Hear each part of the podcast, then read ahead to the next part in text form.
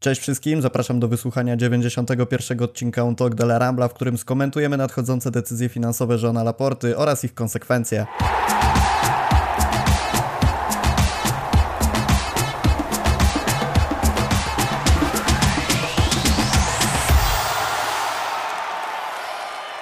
W poprzednich odcinkach omówiliśmy sobie sytuację kadrową, porozmawialiśmy o tym, jacy zawodnicy powinni Barcelonę opuścić. Na transfery przychodzące do klubu jeszcze przyjdzie czas, żeby porozmawiać. Pewnie wobec bardziej potwierdzonych e, informacji płynących ze światowych mediów. Oczywiście w kwestii Roberta Lewandowskiego na pewno jeszcze nagramy nie jeden odcinek.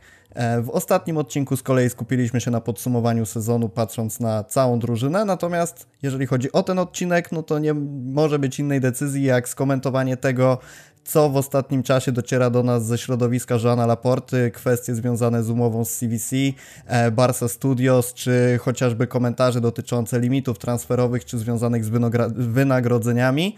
Przez te meandry finansowe popłyniemy sobie razem z Błażejem Gwozdowskim. Siemanko. Cześć. I na początek tradycyjnie serdeczna prośba o suby, łapki w górę, ocenę naszego podcastu na Spotify, a jeżeli jeszcze nie zaglądaliście na Patronite'a, to również serdecznie zachęcamy do zapoznania się, co tam dokładnie jest. A jeżeli wpłacicie do tego cegiełkę finansową, to na pewno wspomożecie nam w rozwoju kanału, w rozwoju strony fcbarsa.com, na którą również serdecznie zapraszamy. E, Błażej, temat jest bardzo trudny, temat jest długi i zawiły, dlatego musimy skupić się na tym, żeby jak najprzystępniej wytłumaczyć te kwestie naszym słuchaczom. Przejdziemy sobie również przez pytania, jakie dotarły do nas z Rambli czy z Twittera. Zebraliśmy kilka z nich i tak słowem wprowadzenia. E, na Rambli użytkownik, jak chcesz, zadał takie dosyć myślę, proste, ale dobrze wprowadzające do tematu pytanie, na czym w ogóle polegają problemy finansowe Barcelony i czy chodzi tylko o limity financial fair play? Nie chodzi tylko o limit, y, który nakłada La Liga, dlatego że no, prosta, jedna prosta rzecz, z której no, każdy powinien zdawać sobie sprawę.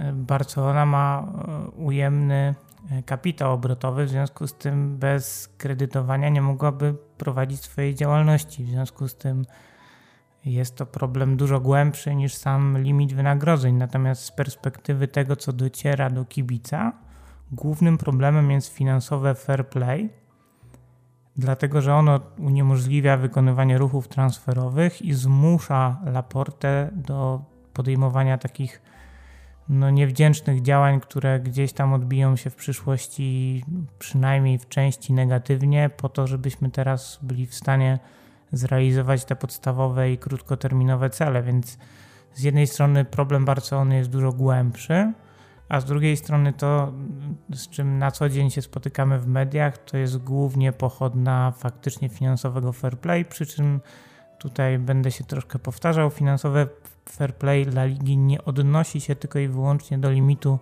wynagrodzeń, bo y, konsekwencje tego, że Barcelona może kupować zawodników tylko za jedną czwartą oszczędności czy ponad budżetowych przychodów, czy przychodów z, z transferów, to może, może oczywiście być związana z przekroczeniem limitu transferu, y, limitu na wynagrodzenia, natomiast nie musi. Podobne sankcje mogą występować nawet wtedy, kiedy ten limit nie jest przekroczony, a także pomimo przekroczenia limitu wcale nie musi być od razu nałożona taka sankcja związana z ograniczeniami w, re w rejestracji zawodników, więc to jest dużo bardziej złożona sprawa i trudna do wytłumaczenia, sobie zdaję z tego sprawę, ale generalnie to, co my widzimy w mediach i to, o czym mówi Laporta, to jest faktycznie problem finansowego fair play, przy czym globalnie patrząc, no to problemy Barcelony są dużo szersze i bardzo, bardzo złożone. Z kolei na Twitterze użytkownik e, Srasiuch zadał pytanie, jakie mogłyby być inne źródła pieniędzy dla Barcelony oprócz pozbywania się niepotrzebnych graczy. My sobie porozmawiamy oczywiście o CVC, porozmawiamy sobie o tym, jak to wszystko wypada w kontekście e, zarządzania ligi przez Tebasa, czy Barca Studios, czy też Barca e, Licensing and Merchandising. I teraz tak, Błażej, czy ty widzisz poza tymi rzeczami, które ja wymieniłem, poza tym, co określa się mianem dźwigni finansowych, w mediach i sprzedaży graczy, czy jest realna szansa na to, że pojawią się jakieś inne źródła, które uratują Barcelonę, a które być może jeszcze nie wypłynęły do mediów? Za każdym razem, kiedy się nad takimi rzeczami zastanawiam, to od razu sobie przypominam, że jakiego pomysłu nie miałby zarząd Barcelony, to musi być on przegłosowany przez Sosis. I biorąc to pod uwagę, nie wydaje mi się, żeby była jakakolwiek inna możliwość, dlatego że wszystkie sprowadzałyby się do komercjalizacji aktywów Barcelony w jakiś tam sposób, a y, da się odczuć, jeżeli ktoś kiedykolwiek słuchał pytań e, Sosis w czasie zgromadzeń, że bardzo ostrożnie, wręcz nerwowo oni podchodzą do sprzedaży czegokolwiek, co należy do klubu, bo to jest trochę tak, jakby e, wyprzedaż garażową robili. Jakby nie rozumieją dokładnie w większości o co chodzi i są bardzo sceptycznie do takich ruchów nastawieni. Więc to, o czym mówi Laporta i to w jaki sposób on to przedstawia, to nie jest przypadek, bo to trafia do mediów, a potem trafia oczywiście do osób, które będą głosować e, nad takimi rozwiązaniami. W związku z tym wydaje mi się, że, że innych opcji po prostu nie ma. Zresztą tych opcji tak naprawdę wymienionych przez Laporty jest bardzo, bardzo dużo, bo każda z nich jest w wielu wariantach. Każdy z nich jest odrobinę inny. Wszystkie odnoszą się tak naprawdę do pomocy banku, która będzie oparta na, na zabezpieczeniu prawami telewizyjnymi oraz na jakiś czas prawami marketingowymi.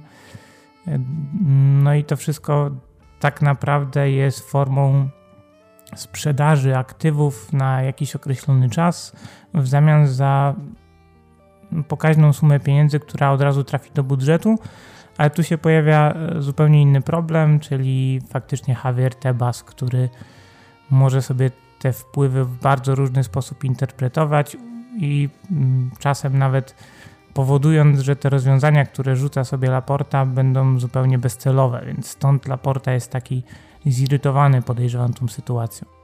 Myślę, że też kibice są zirytowani tym, co mówi Laporta i całą tą wojenką z Tebasem, bo coraz bardziej wychodzi na to, że Laporta zaczyna być postrzegany, zaczyna albo jeszcze bardziej jest postrzegany jako taki populista, który bardzo dużo mówi, a jeżeli chodzi o realne działania, to niewiele z tego widzimy, no ale rzeczywiście to, co, to, co robi Tebas w kontekście zarządzania całą strukturą ligi, całymi tymi, całym zapleczem finansowym i tym, na co drużyny mogą sobie pozwalać, brzmi dosyć tajemniczo. Ja bym nawet powiedział, że patrząc na inne ligi, e, brzmi to jak próba zabicia jakichkolwiek bardziej innowacyjnych działań i, i, i sam fakt, że poniekąd liga zaczyna się nawet nie tyle, nie tyle się zatrzymała w stosunku do innych lig, co zaczyna się cofać, to, to jest fakt, no ale to też jest temat pewnie na osobny podcast, żeby popatrzeć na to wszystko w, przez pryzmat chociażby ligi angielskiej, gdzie te, ta redystrybucja dochodów jest zupełnie inna.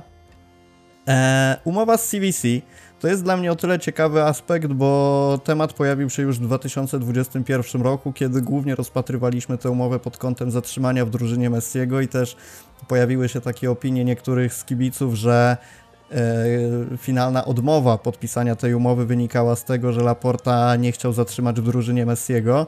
Te plotki zostały poniekąd podbite przez to, że umowa z CVC miała być jednym ze źródeł finansowania transferu Halanda do Barcelony, co tym bardziej pokazywało tą niechęć Laporty do Messiego. Natomiast myślę, że kwestia jest tu mimo wszystko finansowa i na tym też się postarajmy skupić, bo poza tym, że e, klub nie chciał oddać praw audiowizualnych na następne 50 lat, o czym się mówiło otwarcie, to jeszcze były te kwestie związane z e, tym, że nieco te warunki e, oficjalne, formalne różniły się od tego, co klubom przedstawiono. E, to, to tak ładnie w tym oficjalnym piśmie Barcelony określono jako, że zmieniły się warunki wstępnej umowy.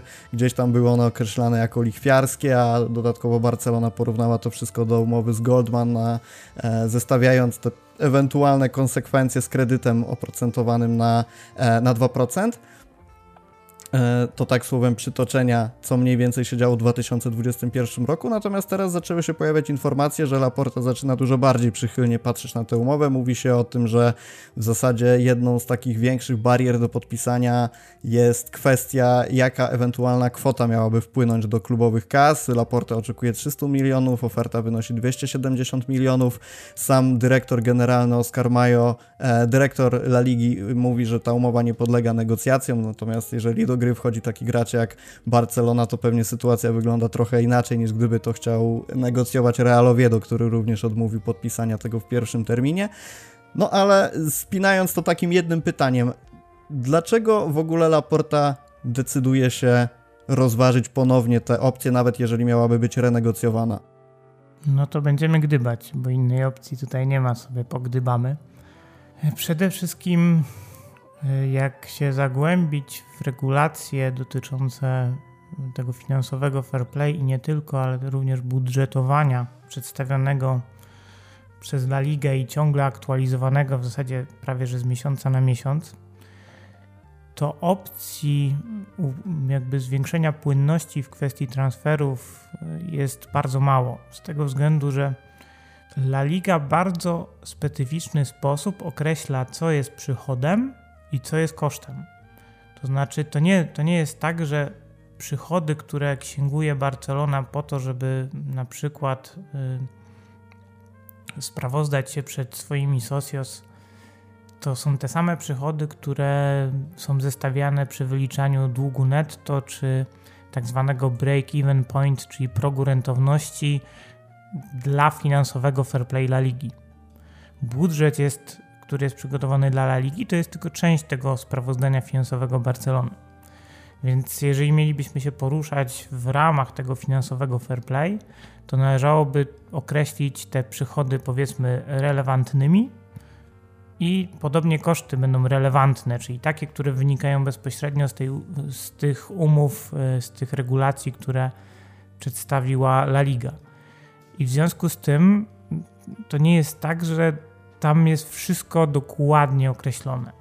I ja podejrzewam, że Laporta przedstawił Tebasowi jakieś swoje plany związane z Barca Studios, z BLM i Tebas, a raczej nie Tebas, ale jego ludzie zinterpretowali to na swój sposób i ta interpretacja nie spodobała się po prostu Laporcie i władzom Barcelony.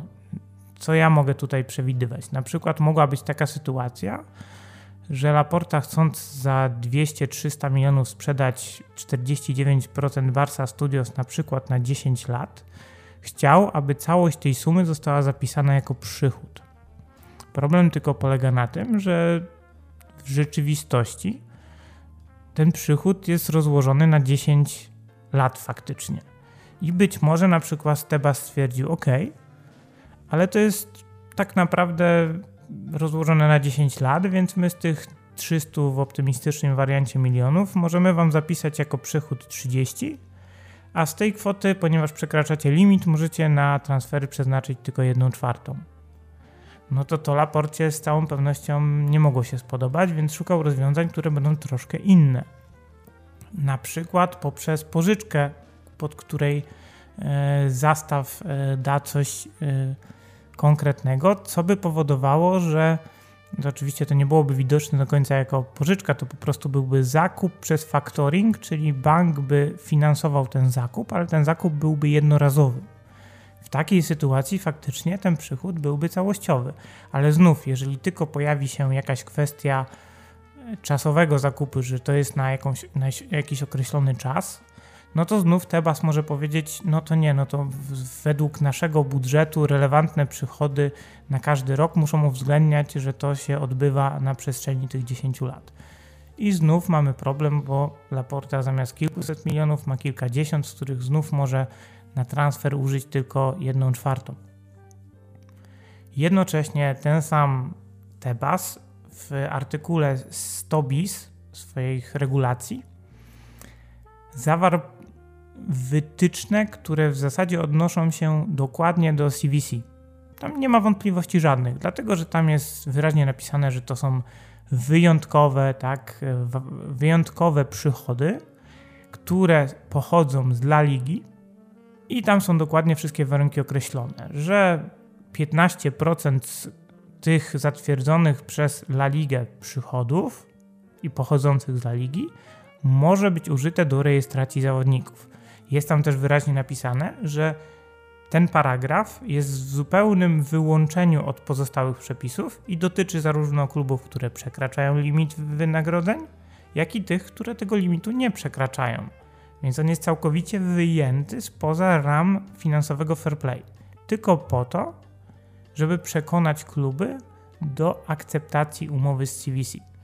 Więc Laporta w tej chwili, moim zdaniem, stanął troszkę pod ścianą, bo wie, że jeżeli podpisze CVC, to nie tylko zyska te 20 kilka milionów, które będzie mógł e, przeznaczyć faktycznie na transfery w całości, bo tak jest to określone w tym punkcie artykule 100 bis, ale jednocześnie zyska przychylność dla ligi po to, żeby dodatkowymi transakcjami faktycznie wyjść na prostą.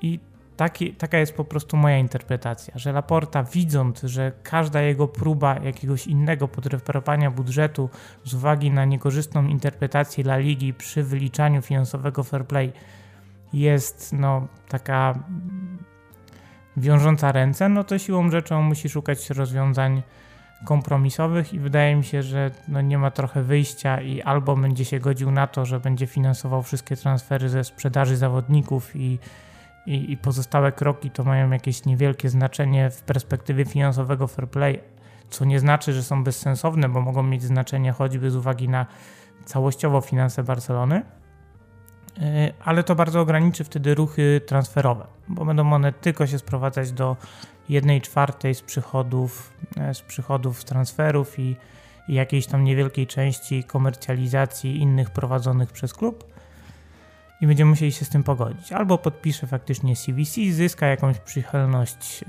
e, całej La Ligi i będzie mógł inaczej zaksięgować przychody ze sprzedaży np. Barca Studios, co by pozwoliło mm, w bardziej swobodny sposób działać na rynku transferowym. Także ja to tak interpretuję, że to jest taki czysty szantaż, który otwiera, jeżeli się na niego godzisz, godzisz się na warunki zaproponowane przez Tebasa, no to otwiera ci to wiele innych y, dróg do tego, żeby poprawić swoją sytuację. Jeżeli się nie godzisz, no to w każdej spornej sytuacji musisz być pewien, że interpretacja będzie na twoją niekorzyść. Zastanawia mnie cały czas to zarządzanie przez Tebasa, ale jeszcze do tego dojdziemy, bo padła ważna rzecz w kwestii właśnie tej jednej czwartej kwoty, jaką Barcelona może finalnie przeznaczyć na dalsze ruchy transferowe. E, żeby nam to tutaj bardzo dokładnie wybrzmiało. Klub e, podaje takie komunikaty, czy też z otoczenia klubu wypływają komunikaty, że e, w ramach umowy z CVC 60% z tych 270 milionów euro, czyli to wychodzi 162 miliony euro, trafiłoby Barcelony już teraz, z czego 24,3 miliona euro Barcelona mogłaby przeznaczyć na wzmocnienie kadry. I teraz 24,3 miliona euro to jest już kwota, jaką Barcelona może przeznaczyć w całości, tak? To nie trzeba tego jeszcze mnożyć razy 25%.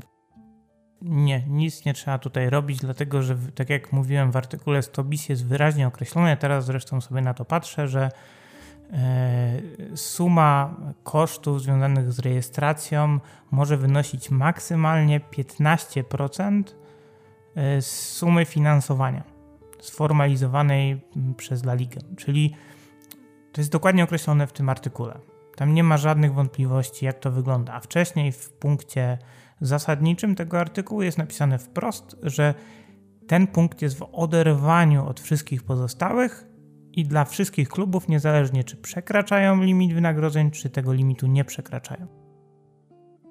Skoro mówimy sobie trochę o interpretacji tego wszystkiego, to pojawiła się też jedna ważna rzecz w zeszłym roku, kiedy mówiło się o CVC, bo to był też moment, kiedy rozpędzało się, a może już w zasadzie zwalniała kwestia Superligi. Czy uważasz, że w związku z tym, że Laporta przychylnie patrzy na umowę z CVC, to niejako odchodzimy od pomysłu utworzenia, czy też kontynuowania, nie wiem na jakim to jest etapie teraz, ale Superligi? Nie wydaje mi się. To znaczy, ja w ogóle mam tutaj o tyle problem z tym CVC, że wydaje mi się to jakiś taki prywatny interes trochę Tebasa, bo owszem, cała transakcja sprowadza się do bardzo długiej umowy, bo na 50 lat, ale mówi się o tym, że samo CVC będzie w tym układzie uczestniczyć przez 8 do 10 lat według różnych danych. W związku z tym y, ja podejrzewam, że w tym okresie zmienią się władze La Ligi bo Tebas już będzie miał też drogę ucieczki bardzo, bardzo wygodną pewnie w związku z, z tą umową. I nowe negocjacje związane z jakimiś tam powiedzmy ruchami Barcelony w związku z e, rozgrywkami europejskimi mogą być na zupełnie innych warunkach niż są w tej chwili. Więc e, sumarycznie wydaje mi się, że nie ma to większego wpływu. Aczkolwiek oczywiście mogę się mylić. Nie? To, to nie jest tak, że tutaj mamy wszystkie dane, żeby to jednoznacznie stwierdzić. Myślę, że w ogóle jest bardzo niewiele osób, które może się jednoznacznie na ten temat wypowiedzieć, bo wiemy, jak wygląda zarządzanie ligą i że może gdybyśmy zaprosili Pikę na podcast jako trzeciego, to mielibyśmy bardziej pełny obraz tego wszystkiego, ale, ale na razie na zaproszenie Pikę się nie zapowiada. Idąc dalej, bo jest dużo kwestii, które mnie nurtują w kwestii tego właśnie CVC. E, jedną z nich jest wypowiedź Laporty która, zacytuję ją, mamy różne opcje, ale żadna nie jest fantastyczna, bo wszystkie obejmują sprzedaż praw telewizyjnych lub udział innych firm w naszych interesach. O ile rozumiem te kwestie udział innych firm w naszych interesach, to e, oczywiście Barcelona w pewien sposób modelowo działa tak, że stara się nie dopuszczać tych firm, chociaż no to mówię, na tyle ile ja obserwuję to jest modelowe, ale wiadomo, że w biznesie to to te firmy zewnętrzne, sponsoring i tak dalej będą, będą cały czas, no ale z drugiej strony kojarzy też sam fakt tego, że Barcelona nie chce, przynajmniej tak otwarcie mówi, nie chce zmieniać tego modelu zarządzania, jaki obecnie panuje i nie chce sprzedawać, nie, za, nie chce zamieniać się w spółkę akcyjną i tak dalej, i tak dalej. To, to gdzieś tam już sobie omawialiśmy. Natomiast jeżeli chodzi o oparcie umowy o sprzedaż praw telewizyjnych, to to była kwestia, która właśnie była dosyć gorąca w 2021 roku, bo E, jednoznacznie określono, że sprzedaż tych praw na 50 lat jest czymś niedopuszczalnym wręcz. E, I z czego to Twoim zdaniem wynika? Dlaczego tak niechętnie Laporta do tego podchodzi? Przede wszystkim dlatego, że stoimy na progu zmian w bardzo poważnych w transmisjach e, faktycznie telewizyjnych i nawet pojawiły się takie informacje, że CVC miałoby częściowo pomóc La Lidze w stworzeniu platformy która pozwalałaby na płatny streaming meczów piłkarskich. I nie tylko meczów, ale również programów, czyli de facto częściowe ominięcie takich e, podstawowych e, klientów, jakimi są stacje telewizyjne, ale może nie tyle ominięciu, co po prostu rozproszeniu tego, czyli na przykład telewizje płaciłyby troszkę mniejsze pieniądze za prawa do transmisji, sprzedawane przez La Ligę kolektywnie dla, na, na całe rozgrywki, bo wiadomo, że to tak się odbywa, że to jest kolektywnie sprzedawane, mimo że całość praw należy do klubów, co zresztą użył jako argument y, w pozwie Florentino Perez i Real Madryt, że rozporządzanie tymi prawami do, do transmisji przez La Ligę w sposób nieuzgodniony z klubami jest niezgodne z prawem, no to oczywiście jest bardzo trudne do, do udowodnienia. Kiedy ci się 38 klubów pod tym wszystkim podpisuje, no to trudno powiedzieć, że tu nie było żadnych rozmów i uzgodnień, ale wracając do Twojego pytania, y, no patrząc na to zdroworozsądkowo, wydaje się, że zbliżamy się do momentu, w którym ta sprzedaż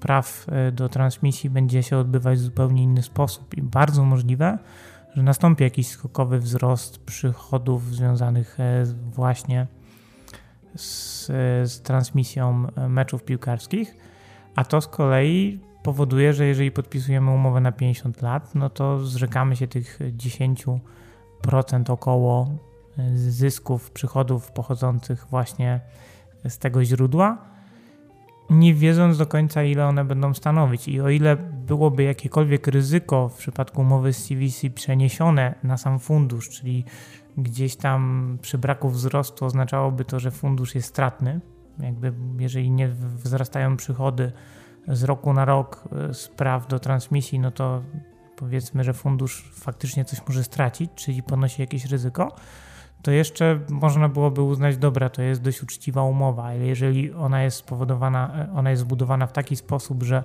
CVC w zasadzie stracić na niej nie może, o ile same przychody z transmisji nie będą spadać względem poprzednich lat, no to siłą rzeczy nie ryzykuje praktycznie nic. Więc pod tym względem wydaje mi się, że ta umowa jest bardzo niekorzystna dla klubów, bo zakładając, że te przychody z transmisji nie będą spadać, no to de facto CVC będzie miało potężne zyski z całej tej transakcji. I to jest problem pewnie Laporty.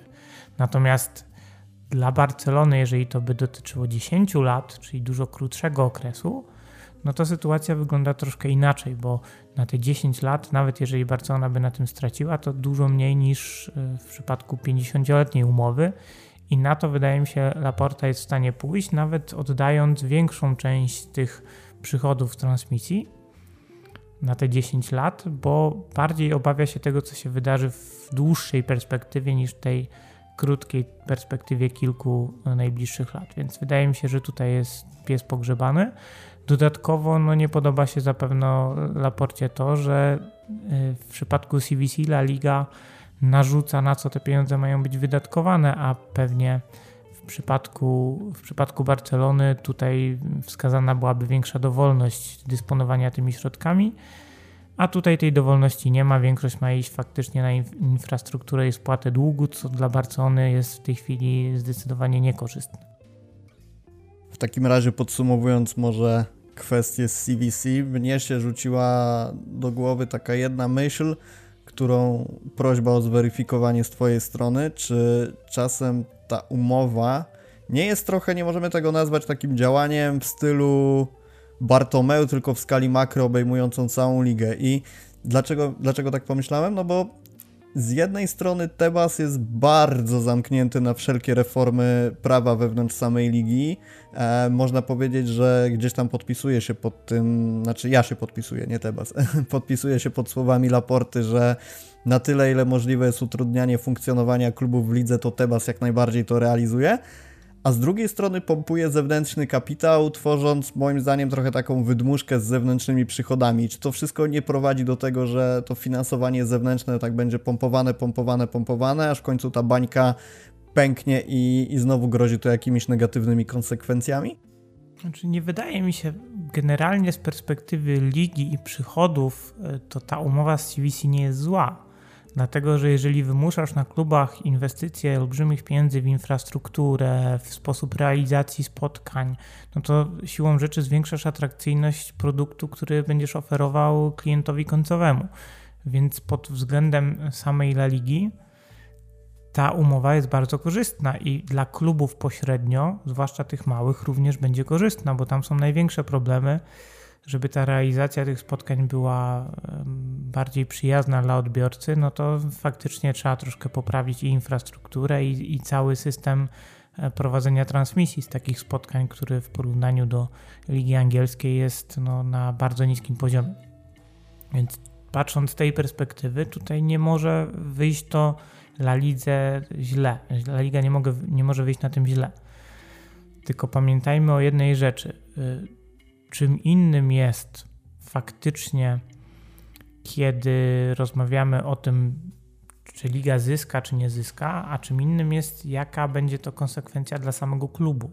I dla Barcelony, która się rozwija bardzo dynamicznie w ostatnich latach, niestety e, zostało to zatrzymane przez no, błędy Bartomeu oraz e, problemy z pustymi stadionami, tak ogólnie to ujmując, to jest zbyt ryzykowne, żeby wiązać się na 50 lat i dla Realu, i dla Barcelony. Pamiętajmy, że te kluby zgarniają olbrzymi procent całościowych przychodów z transmisji. On jest yy, tak duży, że no faktycznie te kluby mniejsze no nie mają większej szansy y, na tych warunkach, jakie były do tej pory, rozwijać się i nadrabiać jakikolwiek dystans do Realu czy Barcelony. To jest niemożliwe.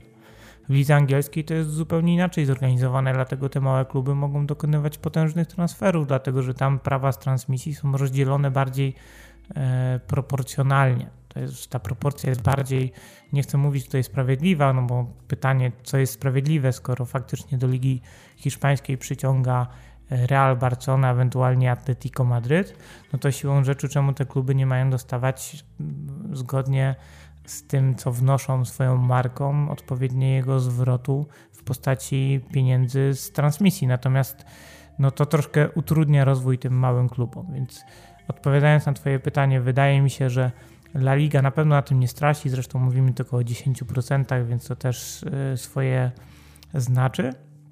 Y, I tak samo inwestycje w infrastrukturę i sposób y, i poprawę tego produktu końcowego również z punktu widzenia ligi i wszystkich klubów jest korzystne.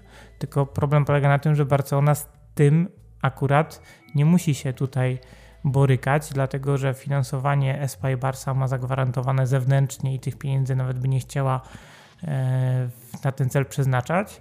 A jeśli chodzi o samą transmisję, tutaj wiele zarzucić Barcelonie nie można. No, te mecze, które są rozgrywane na Camp Nou są zrealizowane w sposób no, perfekcyjny, taki sam jak to się odbywa e, w Premier League, więc wydaje mi się, że to jest główny problem dla takich klubów jak Barcelona. Że ta oferta, która została złożona, ona nie do końca jest skrojona na potrzeby takiego klubu jak Barcelona. Według La Ligi nawet 600 milionów przychodu nie da nam limitu, powiedział Jean Laporta w ostatnio udzielonym wywiadzie. E, jednocześnie użytkownik na Rambli Oniku Luka87, pozdrawiamy serdecznie wszystkich zadających nam pytania, e, zapytał, kiedy oblicza się zasady limitów płac i co się dzieje, kiedy ten limit przekroczymy. Błażej, w żołnierskich słowach, na czym dokładnie polega ten limit i dlaczego Laporta mówi o tym, że 600 milionów nie da nam tego limitu? W żołnierskich słowach to jest bardzo trudno tak w łatwy sposób określić. No dobrze, ale tak zacznijmy od tego, że E, bo to było bardzo akurat mądre pytanie. Kiedy się wyznacza ten limit? Limit wyznacza się na podstawie sprawozdania e, półrocznego, uzupełnionego o projekt budżetu, który jest składany w okolicach kwietnia-maja trwającego sezonu. I w tym momencie bierze się pod uwagę, ustalając ten limit, trzy minione sezony, to znaczy dwa już zakończone i ten trwający i one są określane jako T-2, T-1 i T, gdzie sezon T to jest sezon bezpośrednio poprzedzający sezon, na który będzie ustalony limit, czyli ten kolejny. W związku z tym Barcelona przed sezonem 2001-2002 limit miała ustalany na podstawie sezonów poprzednich z 2019-20 i 2018-2019 oraz pewnej estymacji sezonu 2020-2001. Były już jakieś dane za pierwsze półrocze, więc one musiały być wzięte pod, pod uwagę w pełni i była jakaś estymacja na podstawie budżetu, który był jeszcze tworzony przez Bartomeu na drugą część oczywiście e, sezonu. No i później oczywiście Laporta zlecił audyt, więc te 97 milionów, jakie Barcelona limitu otrzymała, one były jeszcze bez tych wszystkich strat, jakie rzeczywiście Barcelona w tamtym sezonie poniosła. One uwzględniały jakąś część tych strat, ale nie uwzględniały wszystkich strat. I później audyt, y, te dane z audytu, zgodnie z regulacjami La Ligi, musiały być przedstawione faktycznie y, dla, y, do, do, do La Ligi i była aktualizacja grudniowa, tak zwana, tego limitu wynagrodzeń, i okazało się, że te straty były jeszcze większe w związku z tym ten limit nagle zrobił się ujemny minus 144 miliony. I dlaczego te 600 milionów nie wystarczy? No bo jeżeli sobie policzymy w bardzo łatwy i szybki sposób, ile pieniędzy trzeba by było e, faktycznie wpompować w Barcelonę, żeby zakopać tą dziurę 144 milionów plus wynagrodzenia z tego sezonu, które będą kolejnym przekroczeniem, no bo jeżeli mamy limit minus 144, a wydujemy na wynagrodzenia 470, no to sumujesz te dwie liczby i masz kwotę przekroczenia łącznego przed kolejnym sezonem. Więc musisz tą dziurę zakopać, żeby ten limit w kolejnym sezonie był faktycznie dodatni. No jest to praktycznie nie do zrealizowania, a nawet gdyby się udało, bo tutaj działa na korzyść Laporty to, że jakby wpompował w kolejny budżet faktycznie jakieś niesamowite przychody, no to one mają bezpośredni wpływ na limit wynagrodzeń, niezależnie trochę od tych regulacji, o których wcześniej mówiłem i o tych, tych przychodów relevantnych, no tam byłoby to łatwiej zrobić. No to niestety, ale są inne zapisy finansowego fair które to wszystko utrudniają. I tak na przykład jest coś takiego jak ten próg rentowności break-even point, który jest liczony na 3 minione sezony i tak się składa, że Barcelona w sprawozdaniu za sezon 2002-2001 po audycie zrobionym przez Laporte miała, żebym ci nie skłamał, to nawet sobie spojrzę dokładnie w wyniki, miała 387 milionów na minusie. W sezonie na czerwiec 2019 był plus, to było, było to plus 108 milionów, potem w sezonie 19-20, czyli na czerwiec 2020 e, było to minus już 53 miliony, no i minus 441 milionów na czerwiec 2021. Jeżeli te wszystkie e, kwoty bilansowe sobie sumujemy, no to wychodziło minus 380, e, tak naprawdę minus 387 prawie że milionów na minusie. I przy analizie, że tak powiem, kolejnego sezonu będziemy mieć jeszcze większy problem, dlatego że ten sezon T-2, który był ze 100, miał 100 milionów na plusie, znika nam z tego okresu analizowanego. Pojawiają się te minus 53 miliony, minus 40, 440 milionów i kolejna strata z tego sezonu, która prawdopodobnie będzie. Więc siłą rzeczy jeżeli Laporta nie znalazłby około 400 milionów jeszcze w tym sezonie, to ten warunek tego break-even point progu rentowności na 100% nie zostanie spełniony. A jeżeli on nie zostanie spełniony, to nieważne, czy uda się w kolejnym sezonie w budżecie e, wygenerować faktycznie przychody, które pozwolą na dodatni i wystarczający limit wynagrodzeń. I tak i tak będzie procedura 1 czwartej ponad budżetowych przychodów wydawanych na transfer.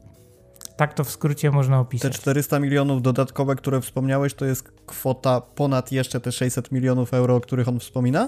Nie, nie. Tutaj chodzi bardziej o to, że yy, z tego właśnie te 600 milionów, o których on mówi, wynika, że jest dziura 440 milionów, można powiedzieć, yy, za zeszły sezon, która po, na, na, dzień 30 czerwca, biorąc pod uwagę trzy minione sezony, wtedy wyznaczane, dawała nam 387 milionów na minusie. I teraz przesuwamy się o jeden krok do przodu. Mamy dwa sezony z minusem, które łącznie nam wychodzą na blisko 500 milionów, i mamy obecny sezon, który no, siłą rzeczy bardzo mało prawdopodobne, żeby pod względem re relevantnych przychodów i kosztów wyszedł na plusie jeżeli nie będzie jakiegoś dealu e, w przypadku Barca Studios albo BLM, no to w zasadzie nie ma co na to liczyć, a nawet jak będzie, no to kwestia interpretacji e, przez Tebasa, jak on to zinterpretuje, bo małe szanse są na to, że jakiś deal w czerwcowy on uzna, że on jest w pełni przychodem, na przykład na 200-300 milionów na obecny sezon. Jest to bardzo mało prawdopodobne, a w związku z tym szansa na zakopanie tej dziury, która powstała w tym sezonie, jest bardzo mała. A jak dodasz przekroczenie z tego sezonu do tych 440 i 50 milionów z dwóch poprzednich sezonów, no to masz potężny, potężną dziurę, której nie da się zakopać nawet jak wygenerujesz te 600 milionów. Dla mnie to jest niesamowite, jak to wszystko finalnie rozbija się o interpretację Tebasa. Wydawałoby się, że, że sytuacja jest tak dosyć matematyczna, że jest to całkiem zero-jedynkowe, co jest czym, a okazuje się, że, że gdzieś ta interpretacja nadal wjeżdża. E, Luka zadał jeszcze jedno pytanie, które też jest bardzo ciekawe. Po przekroczeniu limitu płac, jak dokładnie wygląda rejestracja zawodników? Jaki odsetek zaoszczędzonej pensji obecnych zawodników kasy ze sprzedaży można przeznaczyć na pensję nowego gracza? No to jest bardzo proste. Jedną czwartą oszczędności i przychodów ponadbudżetowych można przeznaczyć na rejestrację zawodników. A jeżeli zawodnik, który zwalnia fundusze w budżecie, odpowiadał za więcej niż 5% kosztów wynagrodzeń, na przykład tak by było w przypadku Frankiego de Jonga, e, to wtedy jest to 33%, czyli 1 trzecia. Wcześniej, przed tym kwietniową, a w zasadzie majową, bo to był koniec kwietnia, aktualizacją regulacji, była to połowa. Teraz ta sytuacja dla Barcelony jest jeszcze trudniejsza. I tutaj jedynym jakby wyjątkiem jest ten punkt 100 e, bis z regulacji, czyli punkt, który dotyczy bezpośrednio CVC. Ja tutaj jeszcze tylko zaznaczę jedną rzecz, e, bo to, co mnie najbardziej zaskoczyło przy analizie, to fakt, że Barcelona składając budżet w roku 2020 na sezon 2020-2021 wiedziała już, jakie będzie miała wynagrodzenia na kolejny sezon i Bartomeu szacował je na 506 milionów euro. Bo część, tych część z pensji zawodników planował przesunąć na kolejne sezony zgodnie z tymi e, obniżkami wynagrodzeń, które de facto były rozłożeniem tych wynagrodzeń na kolejne sezony.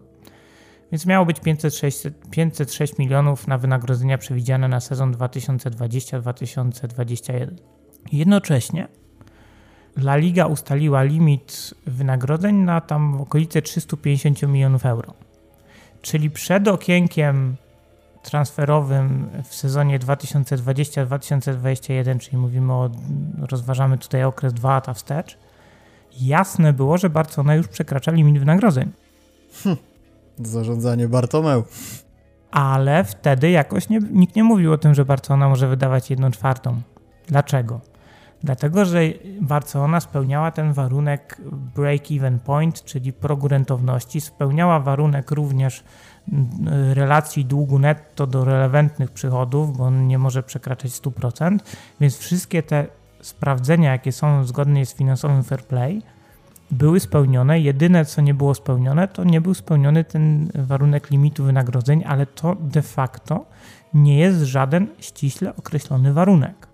Tam jest po prostu wyraźnie napisane, że w tych regulacjach, że w jaki sposób się ten limit e, kosztów na rejestrowany i na nierejestrowany skład wyznacza.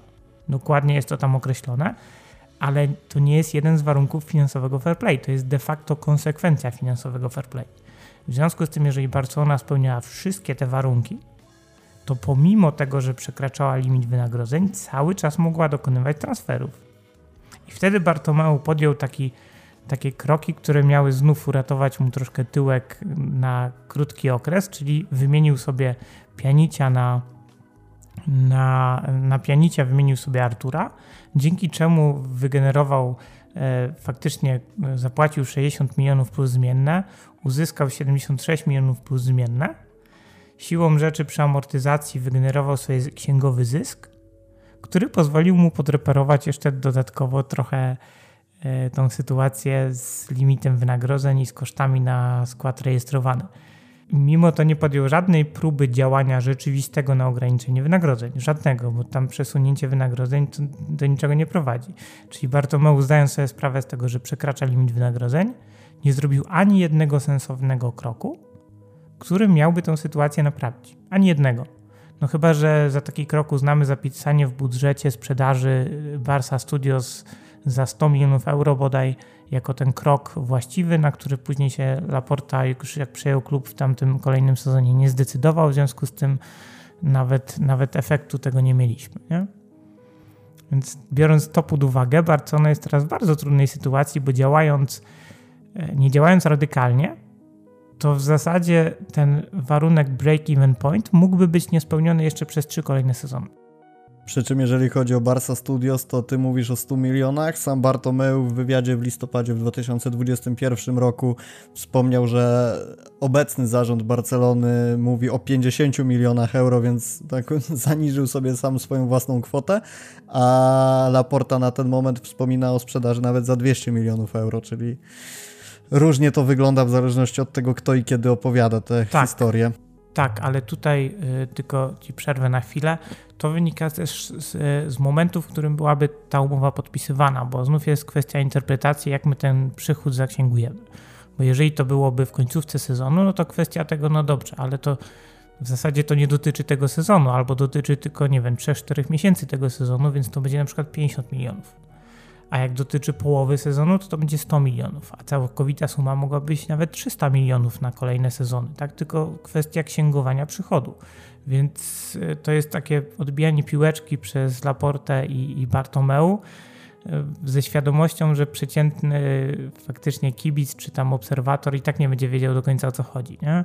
Więc oni, oni obaj mówią do, w zasadzie prawdę, tylko że żaden nie próbuje nawet uściślić, dlaczego mówią prawdę, dlatego że dla nich, dla, dla obu jest korzystna sytuacja, w której e, odbiorca nie do końca rozumie o co chodzi, bo jak zacznie rozumieć, to uzna, że jeden kłamie, znaczy nie tyle kłamie, co wprowadza, manipuluje odbiorcą, a drugi, a drugi y, manipuluje swoją stronę, mówiąc oczywiście prawdę, więc do żadnego nie może mieć zaufania. A w takiej sytuacji, w której do końca nie wiemy o co chodzi, no to jeden uwierzy faktycznie y, Bartomeu, a drugi uwierzy Laporcie, a trzeci uzna, że coś tutaj nie styka. No ale mimo wszystko wciąż uważam, że, że to jest czysta manipulacja. Mamy sporo pytań o to, jak może wyglądać nadchodzące okno transferowe. E, nie wiem, czy damy radę przebrnąć przez wszystkie pytania, bo pojawiło się ich naprawdę sporo na Twitterze, na Rambli. Oczywiście nadal zachęcamy do zadawania ich. Pierwsze pytanie będzie moje. E, zaczniemy sobie od tego i, i może tym samym wyjaśnimy kilka nadchodzących pytań. To znaczy, czy wobec tych wszystkich problemów finansowych i kwot, o jakich rozmawiamy, no bo czy to jest 50 milionów, 100 milionów, 200 milionów, czy jak w przypadku całej tej, wszystkich tych mechanizmów finansowych, które chce zrobić Laporta i które określa jednoznacznie na to, że wszystkie razem wzięte mogą dać mu aż 900 milionów, to jak w tym wszystkim odnajdują się transfery w klubie i ewentualnie przedłużanie kontraktów. Mam na myśli to, że mówimy o De Jongu, który może kosztować powiedzmy te 80 milionów plus zluzowanie pensji, e, natomiast nadal przy tych wszystkich innych umowach, jak Barca Studios, jak BLM, jak CVC, to jest tak naprawdę niewielki odsetek tego wszystkiego. I jeżeli mówimy o De Jong, no może nie niewielki odsetek, ale jeden z niewielu, które są znaczące w tym wszystkim, no bo nie spodziewam się, że sprzedamy Bryce White'a za 50 milionów, nie spodziewam się, że e, jakikolwiek inny zawodnik poza De Jongiem może osiągnąć tak wysoką kwotę. Czy w ogóle musimy tak bardzo skupiać się na transferach wychodzących z klubu jako możliwości ratowania budżetu, czy będzie to po prostu taki dodatkowy eurocent wrzucony w to wszystko, co i tak Laporta musi zrobić w związku z jakimiś tam, nazwijmy to szeroko, instytucjonalnymi wydarzeniami? No, zacznę troszkę od innego tematu, bo musimy zdać sobie sprawę z jednej rzeczy.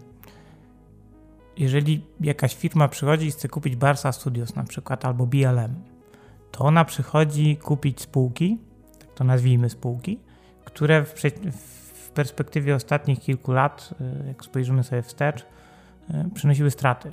No w ostatnim sezonie to chyba było nawet 150 milionów straty. Więc mówimy tutaj o działalności klubu, która w tej chwili jest czysto y, jeszcze na etapie inwestycji. Każdego roku trzeba tam dorzucać pieniążki, żeby w przyszłości liczyć na to, że zacznie to działać. To jest taki trochę startup. I dlatego o Barcelonie mówi się, że to jest klub bardzo innowacyjny, bo faktycznie ten kierunek Barcelona objęła jako pierwsza, czyli wypchnęła poza znaczek Nike ten herb swój i wypromowała go na tyle, że te że osoby, które kupują w sklepie Barcelony nawet nie zwracają już uwagi na to, czy to jest produkt Nike, czy to nie jest produkt Nike.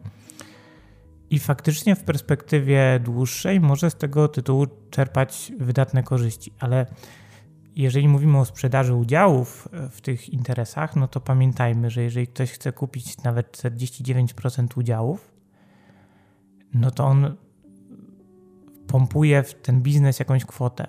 Nie po to, żebyś ty jako odbiorca tych funduszy i jako współudziałowiec tej spółki wyciągnął je sobie z, z tego kociołka przeznaczonego na tą działalność i przeznaczył je na zupełnie inny cel. Więc jeżeli ktoś wierzy w to, że na przykład przychody z takiego Barca Studios poszłyby nawet w 30 czy 40% na transfery i kupującemu by to nie przeszkadzało, no to jest w wielkim błędzie. No bo jeżeli inwestor przychodzi zrobić jakiś biznes na sprzedaży, załóżmy koszulek i innych produktów y, związanych z Barceloną, inwestuje pieniądze na 10 lat, załóżmy, to po to, żeby otrzymać zwrot, a w związku z tym chce mieć odpowiedzialnego partnera, który będzie ten biznes rozwijał, między innymi za te pieniądze, które otrzyma od swojego nowego udziałowca. Więc siłą rzeczy ja kompletnie tego tak nie rozpatruję. Ja zakładam, że jak wyjdzie, że z tej kwoty, o której mówi Laporta, daj Boże 900 milionów, realnie będzie można przeznaczyć na transfery i rejestrację zawodników 10%, 8%, to ja już będę szczęśliwy. I uważam, że to jest wariant optymistyczny. Więc to jest nawet kwota mniejsza niż te 25%, o których rozmawiamy. I z tej perspektywy sprzedaż zawodników jest tutaj kluczowa. To bardzo otwierające oczy, bo ja z perspektywy laika widzę to jako kwotę, która wpada do klubu i owszem, zdaję sobie sprawę z tego, że 900 milionów nie wydamy na sprowadzenie Lewandowskiego, ale to, że wspomniałeś o tych maks 10% w wariancie optymistycznym, to jest no, ciekawa kwestia. E, przechodząc do pytań, e, Twitter, Edwin Pałka.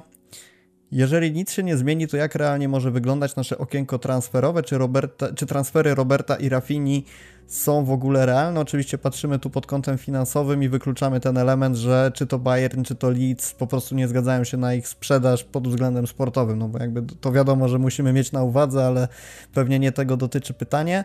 I teraz pewnie kluczem jest zauważenie tego, co rozumiemy przez jeżeli nic się nie zmieni. To, ja, to znaczy ja przyjmuję ten wariant, że jeżeli nic się nie zmieni, to znaczy umowy nie zostaną podpisane, no bo na ten moment nie są podpisane. Mam nadzieję, że dobrze interpretuję to pytanie. No właśnie, co się stanie, jeżeli Barcelona nie zdecyduje się na, nie zdecyduje się, czy też w jakiś sposób te podpisanie CVC, Barca Studios czy BLM nie dojdzie do skutku? E, mamy w ogóle szansę na jakiekolwiek atrakcyjne okno transferowe, skupiając się właśnie na tym pytaniu e, i sprowadzeniu Lewandowskiego czy Rafini? Nie wierzę w to, w sensie nie wierzę w to, że się nie uda. Bardziej wydaje mi się, że Laporta tutaj gra na czas, bo zdaje sobie sprawę z tego, że ten przychód, który on chce wygenerować, musi być w tym samym okresie rozliczeniowym, w którym on będzie chciał dokonać transferu. Żebyśmy to rozumieli. Bo jeżeli mówimy o jakimś przychodzie, załóżmy 200 milionów, z których on będzie chciał wydać zgodnie z regułami y, La Ligi, będzie mógł wydać załóżmy 25%, przykładowo, albo no 200 milionów, tutaj mówię o sytuacji, w której byłaby bardzo korzystna interpretacja La Ligi, tak? Czy dla uproszczenia powiedzmy 100 milionów. Sprzedaje Barca Studios załóżmy za 300, z czego 100 milionów jest zaksięgowane jeszcze na ten okres, z czego 25 milionów zgodnie z regułą 1 czwartej będzie mógł wydać na transfery. No to on już na ten okres musi mieć y, zaplanowane i uzgodnione, dopięte na ostatni guzik transfery za dokładnie tą samą kwotę, żeby nie zmarnować ani jednego euro z tych pieniędzy, jakie wygenerował. Więc siłą rzeczy Laporta zdaje sobie sprawę z tego, że tą dźwignię będzie mógł pociągnąć, że tak powiem, dopiero w momencie, w którym ten transfer będzie już dopięty.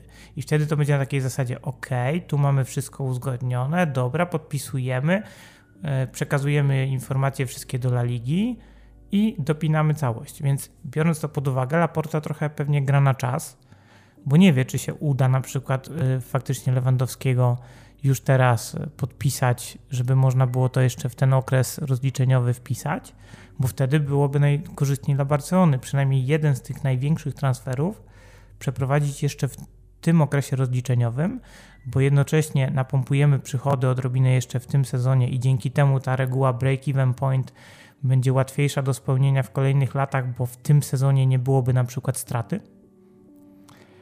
A oprócz tego byłby załatwiony jeden poważny transfer. Więc tu jest gdzieś problem.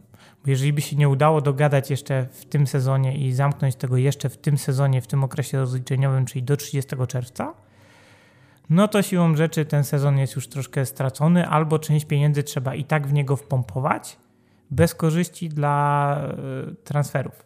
Żadnych, tak? Bo tych pieniędzy już się nie da wykorzystać w kolejnym okresie rozliczeniowym. To już jest po ptakach.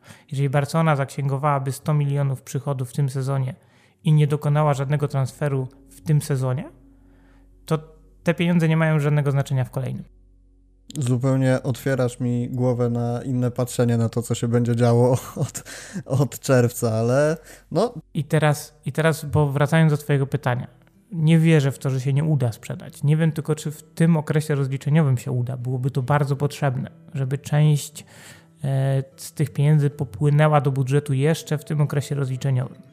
Ale jeżeli by się nie udało, to wchodzimy w bardzo proste reguły. Barcelona musi sprzedawać zawodników i w tym samym e, okresie rozliczeniowym, w których ich sprzedaje, dokonywać zakupu i rejestracji za kwotę 1 czwartą z tej sprzedaży.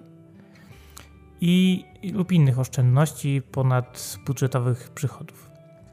Biorąc to pod uwagę, no to trzeba zdawać sobie sprawę, że taki transfer przykładowo Rafini za załóżmy 40 milionów euro przy pensji załóżmy 10 milionów brutto, jakby nie wiem, był bardzo chętny, żeby grać w Barcelonie, to pewnie znów jakiś progresywny kontrakt i przez pierwszy rok byłoby 10 milionów brutto. No to, to mówimy tutaj o zakupie na 40 milionów, z czego e, zakładam kontrakt pięcioletni, więc tych 40 milionów w pierwszym roku byłoby 8 milionów e, amortyzacji do wpisania do budżetu, plus wynagrodzenie 10 milionów brutto, więc mamy kwotę 18 milionów.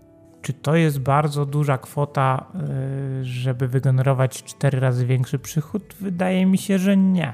Że różnymi pomniejszymi transakcjami da się coś takiego zrobić i tym samym doprowadzić do, do zakupu y, Rafini. Jeśli spojrzymy na Lewandowskiego, no to mamy trzyletni kontrakt, załóżmy zakup za 30 milionów, więc amortyzacja to jest 10 milionów w pierwszym roku obowiązywania kontraktu i dodatkowo mamy y, kwotę wynagrodzenia, załóżmy, że to będzie 18 milionów e, euro brutto, więc jak to sumujemy, no to znów mamy 28 milionów brutto do budżetu, czyli razem mamy e, niecałe 50 milionów e, brutto na te dwa transfery e, księgowo do wpisania, czyli musielibyśmy, Barcelona musiałaby wygenerować przychód relevantny znów, bo to trzeba zaznaczyć na poziomie 200 milionów, żeby przeprowadzić oba te transfery. Jak tego słucham, to dla mnie to wszystko brzmi bardzo e, skomplikowanie, ale taka kropka, jaka mi się kojarzy z zakończeniem twojej, e, twojego wyjaśnienia, równa się temu, że mimo wszystko De Jong odejdzie z Barcelony, jeżeli patrzymy na to od strony oczywiście finansowej, że dla klubu po prostu to się bardzo opłaca. To jeszcze dodam od razu, bo wydaje mi się, że Frankie de Jong, jeżeli miałby odejść, to musiałby odejść jeszcze w tym okresie rozliczeniowym, żeby to się bardzo nie opłaciło. Z tego względu, że dużo ważniejszy jest niż przychód samego transferu, bo tam jest jeszcze spora niezamortyzowana kwota, bo De Jong przedłużał kontrakt i to znów się nam roz, rozwlekło. W zasadzie po roku gry Bartomeu, żeby ograniczyć koszty w, budżecie związanym z amortyzacją, przedłużył z nim kontrakt. Po roku gry już. W związku z tym znów jakiś absurdalny ruch. Mm, bardzo krótkowzroczne działanie. I w związku z tym ta kwota do zamortyzowania, jeśli chodzi o Frankiego de Jonga, została jeszcze bardzo wysoka. I sama ta różnica między kwotą sprzedaży a kwotą pozostałą do e, zamortyzowania, nawet przy transferze na poziomie 80 milionów, to to będzie jakaś kwota rzędu 30-40 e, milionów, tak bym to określił, około. E, I jeżeli tak na to spojrzymy, to bardzo istotna jest też oszczędność na wynagrodzeniu Frankiego de Jonga. Więc jeżeli by dokonano tego jeszcze teraz, no to te wynagrodzenie będzie również oszczędnością z punktu widzenia e, całości i można by przeprowadzić jakiś, jakiś transfer teraz. W kolejnym okienku nadal będzie to opłacalne oczywiście, nadal w kolejnym okresie rozliczeniowym. Oczywiście ta kwota, znów tam się amortyzacja trochę przesunie, więc ona będzie troszkę mniejsza. Znów będzie można to rozważać jako oszczędność, bo on ma kontrakt jeszcze cały czas z Barceloną e, długi. I przeprowadzenie tego transferu y, dawałoby Barcelonie pewnie bufor rzędu 60-70 milionów i jedną czwartą z tego można by przeznaczyć na, na kolejny zakup. Nie? Więc tutaj wydaje mi się, że jeżeli Barcelona faktycznie nie ma innej opcji na ten okres rozliczeniowy jeszcze y, w swoich E, rozpiskach nie, nie ma nic bardziej sensownego, no to sprzedaż Frankiego jeszcze w tym okresie rozliczeniowym byłaby bardzo korzystna. W kolejnym nadal byłaby korzystna, ale podejrzewam, że w perspektywie całego okresu rozliczeniowego i tego okienka transferowego tych opcji równie e, opłacalnych byłoby więcej i wtedy ten, ta, ta miłość Czawiego do, do Frankiego de Jonga, która chyba jest prawdą, tutaj może być decydująca i i może się Laporta nie zdecydować na sprzedaż Holendra. Więc tutaj wydaje mi się, że te naciski są po to, żeby coś zrobić jeszcze w tym okresie rozliczeniowym, gdzie nie ma za bardzo pomysłu co, a wiedzą, że coś trzeba zrobić, żeby ten sezon naprawić. Pytanie z Rambli od Szklanera. Eee, pytanie o przedłużanie kontraktów. Podobno przedłużenie z Roberto czy Dembele ma pomóc w amortyzacji i poluzowaniu limitu płac. O ile nie wierzę w przedłużenie kontraktu z Dembele, o tyle case Roberto jest ciekawy, bo aspektów sportowych przemawiających za podpisaniem go na kolejny sezon jest bardzo niewiele. I czy rzeczywiście według Ciebie może chodzić o to, aby wspomóc całościowo funkcjonowanie Barcelony pod względem tego limitu? Generalnie wydaje mi się, że ten kasus Roberto to jest trochę taki medialny mm, wytryk, żeby troszkę szpilek powbijać, bo mm, i w zawodnika, i, i w zarząd, bo nawet jeżeli byśmy mówili o tym, że to ma jakkolwiek pomóc, no to musiałoby być przedłużenie kontraktu jeszcze w tym sezonie, bo wtedy można byłoby mówić o jakimś oszczędności bo po upływie jego kontraktu, no to, już nie jest żadna oszczędność. To on staje się jakby no, zawodnikiem bez klubu i podpisanie z nim kontraktu będzie wręcz przeciwnie problemem, bo będzie można to zrobić tylko za jedną czwartą kwoty z innych oszczędności, jakie klub wygeneruje w kolejnym okresie rozliczeniowym. Więc jeżeli Barcelona by nie podpisała z Roberto kontraktu do 30 czerwca, to jestem całkowicie przekonany, że już z nim nie podpiszą kontraktu, bo to byłoby zupełnie nieopłacalne. Natomiast jeżeli mówimy o podpisaniu jeszcze w tym okresie rozliczeniowym, czyli takim e, rzeczywistym przedłużeniu kontraktu, no to mamy sytuację troszkę inną, bo tu byłaby jakaś oszczędność, ale znów nie do końca wiem, jak La Liga będzie to interpretować, bo nie wiemy od którego byłaby to przedłużenie miałoby obowiązywać. Bo nie, jest, nie wiem, czy jest możliwe, żeby ono obowiązywało wstecz, na przykład od 1 stycznia. No bo płatność jest na koniec e, półrocza, z tego co wiem, Barcelona płaci w e, transzach półrocznych, czyli za pół sezonu płaci, a potem za drugie pół sezonu. Więc być może za zgodą zawodnika dałoby się ten kontrakt przedłużyć od 1 stycznia 2022. Jeżeli tak, no to faktycznie ta oszczędność z połowy pensji zawodnika byłaby dla klubu y, zwiększeniem wydatków na możliwych wydatków na transfer, ale tu mówimy o dwóch milionach może, może no to, to tak jest taka kwota i to wątpię, żeby nawet taka, półtora miliona euro więc biorąc to pod uwagę, wydaje mi się, że nie ma to większego, większego sensu. Podobnie uważam, e, jeśli chodzi o Dembele. Jeżeli klub nie przedłuży z nim kontraktu do 30 czerwca, to jestem całkowicie pewien, że on już nie będzie zawodnikiem Barcelony, dlatego że to już się Barcelonie zupełnie nie będzie opłacało. Natomiast jeżeli podpiszę z nim kontrakt teraz, no to pozostaje kwestia na jakich warunkach, bo jeżeli te warunki będą takie, że to wynagrodzenie będzie niższe ale całe te korzyści, które wynikają z, z oszczędności z je e, wynagrodzenie dla agenta, no to siłą rzeczy dla Barcelony to jest no, średnio opłacalny ruch. Ale też pamiętajmy, że z jakiegoś, że to też spowoduje, że być może transfer Rafini nie byłby konieczny, więc to raczej trzeba by porównywać finansowo same koszty transferu Rafini z kosztami utrzymania Dembele. jeżeli nie byłoby żadnej obniżki pensji, a dodatkowo E, agent oczekiwałby na przykład 50 milionów euro jakiejś, jakiegoś honorarium za podpisanie kontraktu, to de facto przedłużenie kontraktu z Dembele jest dużo mniej korzystnym dealem finansowo niż transfer Rafini. Więc no siłą rzeczy tutaj jest jakiś kłopot. Wydaje mi się, że przedłużyć umowę z Dembele będzie bardzo trudno, bo jedyne warunki, na których by to było opłacalne, byłyby z, na pewno z jakimś honorarium dla agenta, myślę, że przynajmniej 20 milionów, bo nie wierzę, że nie, ale dla klubu najistotniejsze byłoby, żeby to wynagrodzenie było niższe. Więc tak jak się w mediach przedstawia, że dla Laporty problemem jest ta prowizja agenta, to wydaje mi się, że mniejszym problemem jest ta prowizja, a większym problemem jest rzeczywiście wynagrodzenie Dembele.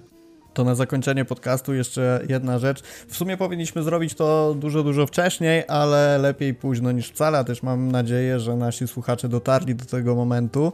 E, w kwestii Barca Studios i BLM, e, w ogóle czym to jest? No Barca Studios to jest taki sektor twór audiowizualny, który został zainaugurowany we wrześniu do 2019 roku i jakby całość funkcjonowania polega na tym, że jest to taki ośrodek skupiający w sobie kreację, produkcję, może lepiej to powiedzieć, i komercjalizację treści audiowizualnych i, i zarządzanie całym Barca TV. E, no mówimy o tym, o sprzedaży 49% praw do Barca Studios przez Laporte, o tym sobie rozmawialiśmy, o tym, że, że Bartomeu wspomniał o 50 milionach euro też już mówiliśmy i Błażej wyjaśnił dlaczego, a samo BLM to jest jakby osobny twór, nie, nie powinniśmy tego gdzieś tam mieszać, łączyć w jedno z Barca Studios, jest to coś, co funkcjonuje w zasadzie od 2018 roku. Jest to przekształcone FCB Merchandising, czyli taki poprzedni twór, który w 100% był pod Nike'iem, mówiąc yy, wprost. Barcelona zdecydowała się na utworzenie tego BLM, aby w jakiś tam sposób nadzorować bezpośrednio wpływ na markę, zysk ekonomiczny i jakby generalnie zarządzanie tym całym sektorem produktowym. Produktowym oczywiście mamy na myśli te wszystkie licencjonowane produkty, które należą do Barcelony, obsługę sklepów i tak dalej, i tak dalej. Również co ciekawe, ja się dowiedziałem tego przygotowując się do podcastu, że w grę wchodzą również te sklepy, które są na terminalach na lotnisku Welprat. Jakoś mi nie przyszło do głowy, żeby to powiązać. Raczej mi się to kojarzyło z tymi sklepami stacjonarnymi gdzieś na mieście, ale rzeczywiście ciekawostka, bo te sklepy, chociaż niewielkie względem tych na Camp Nou, to, to też biorą w tym wszystkim udział. E, BLM ma zostać sprzedane do, dla firmy Fanatics, która zajmuje się innymi drużynami z NFL i tak dalej, i tak dalej, NHL. Są jakieś tam współprace z e, właścicielem Alibaby, czyli panem Józefem Cajem. Ciekawostka jest taka, że sama firma Fanatics to może być taka niewielka szpileczka w stronę tego, co Barcelona chce zrobić, ale e, Fanatics bardzo blisko współpracuje z Qatar Investment Authority, do którego należy PSG i też, jeżeli ktoś kojarzy, takie może mało huczne w Polsce to było, ale gdzieś tam się obiło uszy, że e, deal PSG z y, marką Jordana bardzo pozytywnie wpłynęło na otwarcie sklepu w Los Angeles. Właśnie bardzo fajne wykorzystanie tego wszystkiego przez Fanaticsa. Eee, no, tak słowem w ogóle o co chodzi, bo mówimy BLM i Barca Studios, a może ktoś nie, nie do końca kojarzy, jak to dokładnie ma wyglądać. Ale pytanie, jakie chciałem zadać na koniec tego podcastu. Eee, Mówimy bardzo dużo o kwestiach finansowych, o tym, jakie kwoty wiążą się ze sprzedażą udziałów, jak to wszystko pozytywnie czy negatywnie może wpłynąć. A czy powinniśmy się w tej sytuacji w ogóle przejmować tym, jak sprzedaż wpłynie na to, co y, na treści, jakie będzie Barcelona generować na przykład przez Barca Studios, albo jak będzie wyglądał cały dział merchandisingu e, po sprzedaży tych 49% praw do BLM? Czy jakby jest to kwestia, która w ogóle powinna być zajmująca w tej chwili, czy jakby skupiamy się na tym, że ratujemy finanse Barcelony, a to jak będzie wyglądać Barca TV pozostaje bardzo drugorzędne? Jeśli chodzi o Barca Studios i Barca TV, to wydaje mi się, że korzyści mogą być tylko i wyłącznie dla Barcelony e, z tego, z tego dealu, dlatego że jest to cały czas uważam fatalnie zarządzana część działalności Barcelony, naprawdę źle. To, to mówię tu jako użytkownik i, i odbiorca. Więc tu mogą być tego korzyści. I nie sądzę, żeby to wpłynęło jakoś na przekaz. No, pewnie będzie dużo więcej produktów jako takich, będzie troszkę innowacyjnych pomysłów, może jakoś wykorzystają również współpracę ze Spotify. Pamiętajmy, że jeżeli w grę wchodzi jakaś firma, która ma pieniądze i doświadczenie w tej, w tej branży i wchodzi do jakiegoś startupu, który tego doświadczenia nie ma, przynajmniej jeśli chodzi o kadrę, która zatrudnioną, która się tym zajmuje, bo bo sam klub może i mieć, bo współpracował z Nike przez wiele lat na przykład w kwestii e, sprzedaży różnego rodzaju ubrań i strojów sportowych, no to siłą rzeczy no to jest jakieś mm, pobieranie prowizji za sprzedaż, tak, jakąś, jakiejś części zysku, więc to nie jest prowadzenie jako takiej działalności e, kreatywnej, więc moim zdaniem jeśli chodzi o Barca Studios, to dużą korzyścią może być to, że ktoś, kto to kupi, będzie miał większe doświadczenie w produkowaniu filmów i materiałów e, dla mm, kibica końcowego i też sprawdzaniu, czego on oczekuje, tak?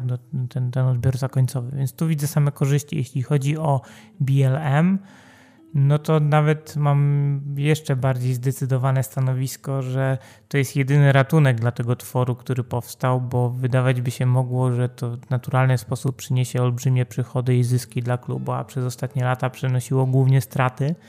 Z tego względu, że koszty związane z zatrudnieniem ludzi, z usługami zewnętrznymi, co ja tam pewnie bym interpretował jako po prostu produkcję tej odzieży, no bo komuś to trzeba to zlecić i jak sumujemy sobie same wydatki na usługi zewnętrzne i na, i na zatrudnionych ludzi, to się okaże, że one już w większości sezonów, w których to funkcjonuje, okresów rozliczeniowych przewyższają e, przychody z tej działalności, więc a jeszcze jest oczywiście cały szereg innych kosztów, więc jeżeli weźmiemy to pod uwagę, Oczywiście klub może tam sobie przerzucać i to ładnie tym żonglować, żeby ostatecznie wychodziło, że BLM przynosi zyski, natomiast tak nie jest, więc siłą rzeczy jestem zwolennikiem sprzedaży choćby po to, żeby wzięła się za to firma, która się na tym po prostu zna i ludzie, którzy się na tym znają. Bo lepiej otrzymywać na przykład 51% zysków z działalności w danej, z danej działalności, która jest rentowna i przynosi bardzo duże przychody, niż otrzymywać 100% z działalności, która przynosi ci straty. No to jest dość oczywiste. Nawet jeżeli powiedzmy w ciągu najbliższych pięciu lat Barcelona zrobiłaby samodzielnie duży skok w tym zakresie, no to mimo wszystko wydaje mi się, że wsparcie takich potężnych graczy z potężnymi kontaktami mogłoby tylko Barcelonie pomóc i moim zdaniem będzie to jednoznacznie korzystne dla, dla klubu, bo e, moje zdanie się nie zmieniło. Uważam, że Barcelona, odkąd jej kibicuję, była zarządzana bardzo źle, źle lub przeciętnie, tak, nigdy dobrze. I nie sądzę, żeby to się zmieniło. Tak, wybranie Laporty na prezydenta z mojej perspektywy było właściwym krokiem. Natomiast nie uważam, że to jest osoba, która jest zdolna uzdrowić Barcelonę jako klub. Raczej uważam, że jest to osoba, która ma na tyle duże doświadczenie już w, w tej pracy, że nie doprowadzi do tego, żeby sytuacja się jeszcze pogorszyła i stopniowo pozwoli działać ludziom mądrzejszym od siebie. Ale jeśli chodzi o te takie spółki, które się specjalizują w konkretnej działalności pozasportowej, e, sprzedaży produktów, czy to audiowizualnych, czy odzieży i innych produktów z logo Barcelony, no to tutaj doświadczenie ma ktoś inny i wydaje mi się, że takim innym firmom trzeba po prostu zaufać i, i trzeba się podzielić zyskiem po to, żeby zaczął on e, zdecydowanie rosnąć, a na ten moment, żeby on w ogóle się pojawił. To ja tylko od siebie mogę dodać tyle, że jeżeli Barcelona podpisuje umowę ze Spotify, a jednocześnie ktoś ogarnięty przejmie Barca Studios, czyli no jakby samo w sobie tworzy to taki trójkąt, e, chyba że wejdą do tego jakieś inne podmioty, no ale jeżeli nazwiemy sobie osobą X tę firmę, która e, przejmie Barca Studios, będziemy mieć Barcelonę i będziemy mieć Spotify, to tworzy to naprawdę olbrzymi potencjał e, z punktu widzenia i finansowego, tak jak ty mówisz, i, i marketingowego, żeby to jakoś fajnie wszystko ograć. E, powiedzenie wszystko fajnie ograć brzmi bardzo enigmatycznie, to prawda, ale no jakby też poruszamy się, tak jak cały czas mówimy, w dosyć dużym obszarze niepewności.